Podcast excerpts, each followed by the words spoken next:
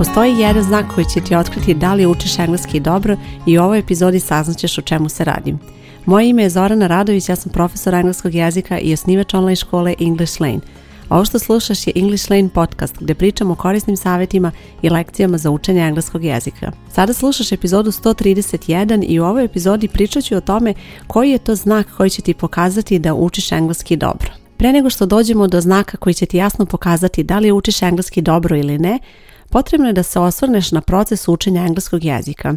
Zamisli četiri stuba koja drže jednu ploču. Ta četiri stuba su u stvari esencijalne stvari kada je u pitanju učenja engleskog jezika i to je nešto što je potrebno da savladaš, a ja ću se sada osvrnuti na svaki od njih šta oni predstavljaju i šta je to što je neophodno da zapravo drži tu ploču. Da bi ta ploča stajala, potrebno je da bude u ravnoteži, odnosno potrebno je da sva četiri stuba budu jednake visine i potrebno je da postoje sva četiri stuba, jer bez toga će se ta ploča srušiti, odnosno možda će čak i ostajati neko vreme ako ima samo tri stuba recimo, ali će se prije ili kasnije srušiti. E sada da pogledamo šta predstavljaju ti stubovi. Prvi stub je gramatika engleskog jezika i to je ono što ćeš učiti kada kreneš da učiš engleski jezik, sva ona pravila kada se koristi koji glagol, kada se koristi koji pomoćni glagol, šta se koristi u toj situaciji, kada se dodaje koji nastavak, sve su to neka gramatička pravila koja ćeš učiti i ono što je bitno da zapamtiš kod engleske gramatike je da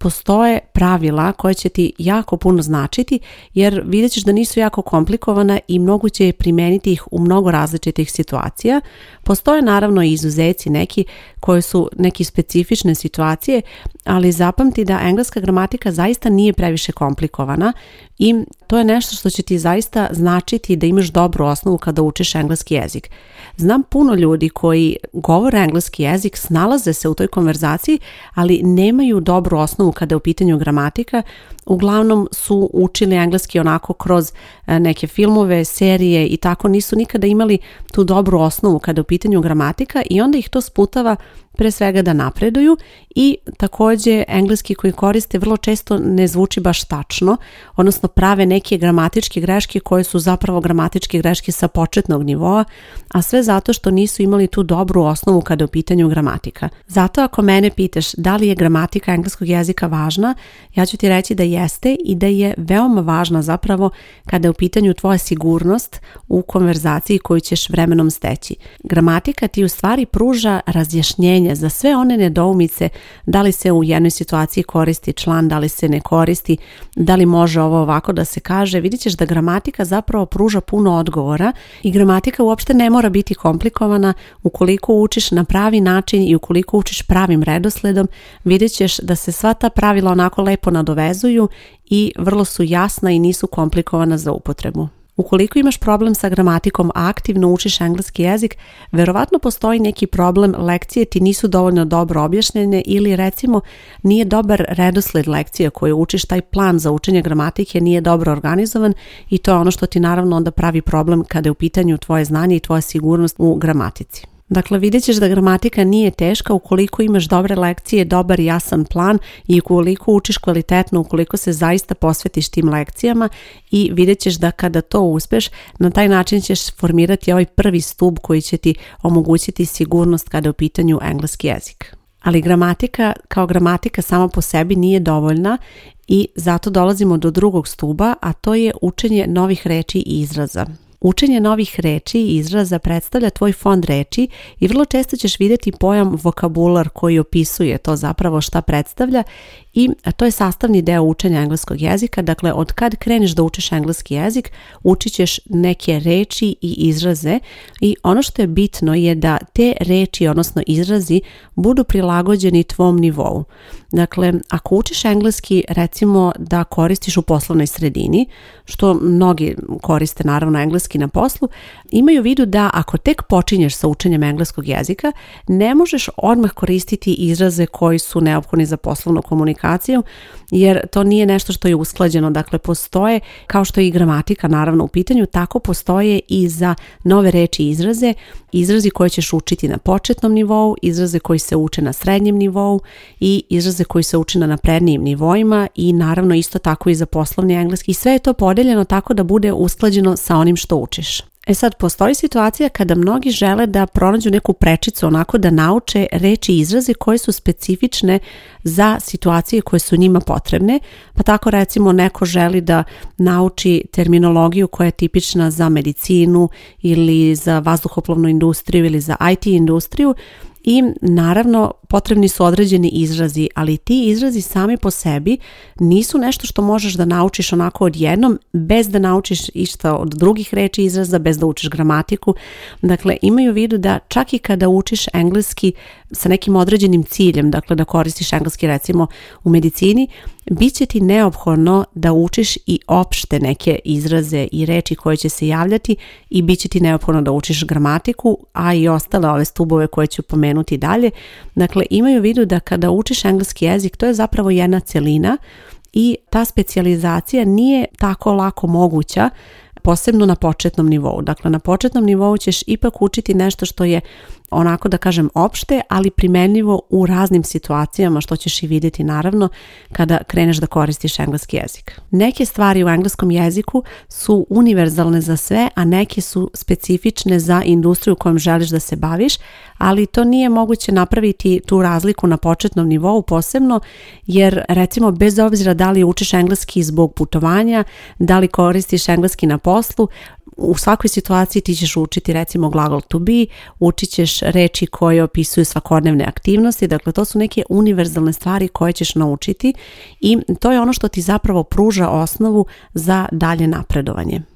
Kada učiš nove reči i izraze, zapamti da je to neophodno od početnog nivoa, dakle od prvog dana kada kreneš da učiš engleski jezik, učit ćeš nove reči i izraze i imaju u vidu da će nekada to ići lakše i nekada ćeš vrlo jednostavno zapamtiti neke reči, a nekada će ti biti potrebno malo više vremena i više ćeš morati da se trudiš i također nemoj misliti da ako stigneš recimo do srednjeg nivoa da sada više ne moraš toliko da učiš reči nego možeš više da se fokusiraš recimo na gramatiku već zapravo moraš da uskladiš to učenje reči u skladu sa onim nivom koji pohađaš i u skladu sa aktivnostima koje pohađaš i iz gramatike, jer je to nešto što je neophodno za tvoj napredak. Preporučujem ti da preslušaš i epizodu broj 9 English Lane podcasta koja se zove Tehnika za učenje novih reči jer ćeš tu pronaći još korisnih savjeta na ovu temu. Prvi stup je bila gramatika, drugi stup su nove reči i izrazi i u ovom trenutku dva stuba nisu dovoljna da zadrže ploču i dolazimo do trećeg stuba, a to su jezičke veštine.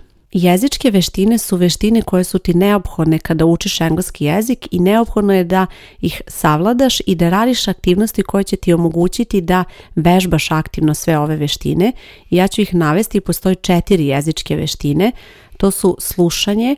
pričanje, čitanje i pisanje. Zajedno sve ove četiri veštine ti pomažu da uspešno savladaš engleski jezik. U ovoj epizodi ja neću detaljno pričati o ovim veštinama i kako se one razvijaju, već ću ostaviti linkove ka epizodama koje možeš da preslušaš, ali ono što želim da ti kažem kada su u pitanju jezičke veštine je da su one neophodne aktivnosti kada učiš engleski jezik. Dakle, naučiti gramatiku i učiti nove reči je početak i ono što ćeš naravno raditi kroz razne lekcije i ostale aktivnosti za vežbu kao što su vežbanja i neki e, konkretni zadaci, ali zadaci koji ti omogućavaju da primeniš jezičke veštine su neophodni jer će ti pomoći pre svega da iskombinuješ sve ovo, znači i gramatiku i nove reči i plus da aktivno koristiš engleski jezik bez obzira da li ćeš slušati engleski jezik, da li ćeš čitati na engleskom, pisati ili pričati, sve to je aktivna upotreba engleskog jezika i to je ono što je tebi neophodno ako želiš uspešno da savladaš engleski jezik. Preslušaj epizodu broj 17 English Lane podcasta koja se zove Kako da vežbaš slušanje na engleskom i tu ćeš saznati kako da razviješ ovu vještinu i koje su to aktivnosti koje će ti to omogućiti. A također preslušaj i epizodu broj 22 English Lane podcasta koja se zove Kako da vežbaš čitanje na engleskom jer će ti i ovi savjeti biti korisni. Sada imamo gramatiku kao prvi stup, zatim nove reči i izraze kao drugi stup, treći stup su jezičke veštine i dolazimo do četvrtog stuba koji je neophodan da drži ovu ploču koja predstavlja tvoje znanje kada je u pitanju engleski jezik, a to je upotreba – Upotreba je sve ono što je neophodno da iskombinuješ ono što znaš, što učiš, da upotrebiš engleski jezik bez obzira da li ćeš koristiti engleski na poslu, da li ćeš koristiti u konverzaciji pisanoj, usmenoj, da li ćeš koristiti engleski da slušaš sadržaj na engleskom. Sve to su aktivnosti koje ti pomažu da ti koristiš engleski jezik i kroz takve aktivnosti ti vidiš da li možeš da upotrebiš ono što učiš i da li je to u skladu sa onim što učiš. E sad, ono što je bitno da primetiš za ovaj četvrti stup je da je on zapravo proizvod prethodna tri. I to je vrlo bitno primetiti zato što ti možeš da kažeš za sebe da po znacima navoda znaš engleski jezik čak i bez ovog četvrtog stuba. Dakle, ako ne znaš da koristiš engleski jezik, a mnogo je takvih koji imaju dosta znanja i uče engleski jezik, ali nemaju tu upotrebu i to je ono što prouzrukuje da se gubi ta ravnoteža koja bi postojala da su sva četiri stuba jednaka, jer ako je četvrti stup tanji ili čak ako uopšte ne postoji, vrlo je moguće da će ploča stajati neko vreme, ali u nekom trenutku će se urušiti, odnosno gubi se ta ravnoteža i tu dolazimo do cele poenta ove epizode u kojoj želim da ti kažem da taj jedan jedini znak koji ti govori da li učiš engleski dobro je ravnoteža, odnosno balans između onoga što učiš i upotrebe kada je u pitanju konverzacija, kada je u pitanju tvoja sposobnost da razumeš engleski jezik kada bez obzira da li u pitanju situacije gdje govoriš ili da li slušaš engleski jezik, da li čitaš nešto na engleskom, dakle to razumevanje engleskog jezika i ono što učiš uvek mora biti u ravnoteži. I sada ću ti još jednom objasniti detaljno šta je to u pitanju. Dakle, ti kada si na početnom nivou, ti ćeš učiti određenu gramatiku i nove reči i izraze i vrlo često ćeš se fokusirati i mnogi to rade, dešava se znači da se fokus premesti na gramatiku i na nove reči, a da zaostaje ta upotreba. Onda možeš doći u situaciju da napreduješ i do srednjeg nivoa, a da upotreba i dalje stoji na početnom nivou i tu možeš primetiti da se gubi ta ravnoteža i to onda odmah pokazuje da postoji problem i pokazuje ti da ne učiš engleski dobro. Dakle, ako želiš da učiš engleski dobro, neophodno je da održiš taj sklad između onoga što učiš i onoga što možeš da upotrebiš kada je u pitanju engleski jezik. Verovatno si čula da neki za sebe kažu da imaju znanje engleskog, ali samo na papiru. Ili recimo da razumeju sve, ali ne znaju da odgovore. Ove situacije su situacije kada osoba zna mnogo toga, dakle uči engleski jezik, ali ne zna sve to da upotrebi i onda tu nastaje taj nesklad koji prouzrokuje to da osoba kada treba da upotrebi engleski jezik zapravo ne zna ono što bi trebalo da zna za taj nivo na kom se nalazi. Dobra vest je da je moguće rešiti ovaj problem ukoliko se nalaziš u ovakvoj situaciji. Ukoliko si na početku učenja ne brini, bitno je da pronađeš program koji će ti omogućiti da učiš pravilno i da učiš kvalitetno i sa fokusom na prave stvari, tako da možeš da razvijaš sve ove stubove ravnomerno a ukoliko si već na nekom srednjem nivou i ukoliko primećuješ da ima nekih nesigurnosti, da ne možeš da upotrebiš engleski onako kako bi trebalo da možeš,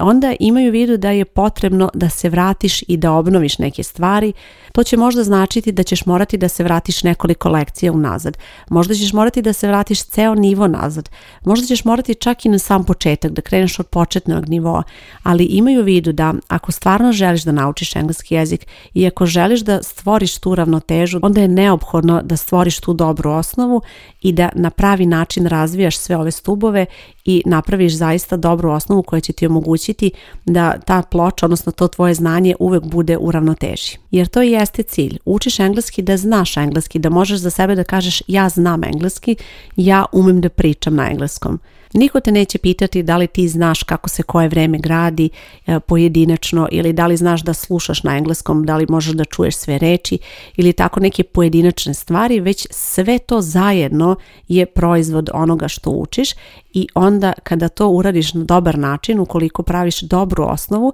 moći ćeš da kažeš ja znam engleski jezik, ja umem da pričam na engleskom. I ne brini, znam da nije lako uvek upotrebiti engleski jezik, da je i za to potrebna vežba i ovdje ću ti preporučiti i jednu epizodu English Lane podcasta sa savjetima na tu temu. U pitanju je epizoda broj 24 English Lane podcasta koja se zove Kako da se oslobodiš straha od konverzacije na engleskom i tu ćeš čuti savjete koje će ti pomoći kada je u pitanju ta upotreba engleskog jezika. Ukoliko učiš engleski u mojoj školi, daću ti dva saveta. Prvo, nemoj se opterećivati rokovima. Bitno je da radiš sve aktivnosti na pravi način i da ih učiš zaista kvalitetno i vidjet ćeš, ja ću te ponekada vratiti da uradiš neke aktivnosti ponovo, savjetovat ću ti da provežbaš neke reči ponovo i vrlo je bitno da to uradiš jer je to nešto što će ti pomoći da izgradiš dobre ove stubove, da napraviš dobru osnovu za dalje učenje engleskog jezika. A drugi savjet je da aktivnosti koje postoje u okviru kursa koje su praktične aktivnosti,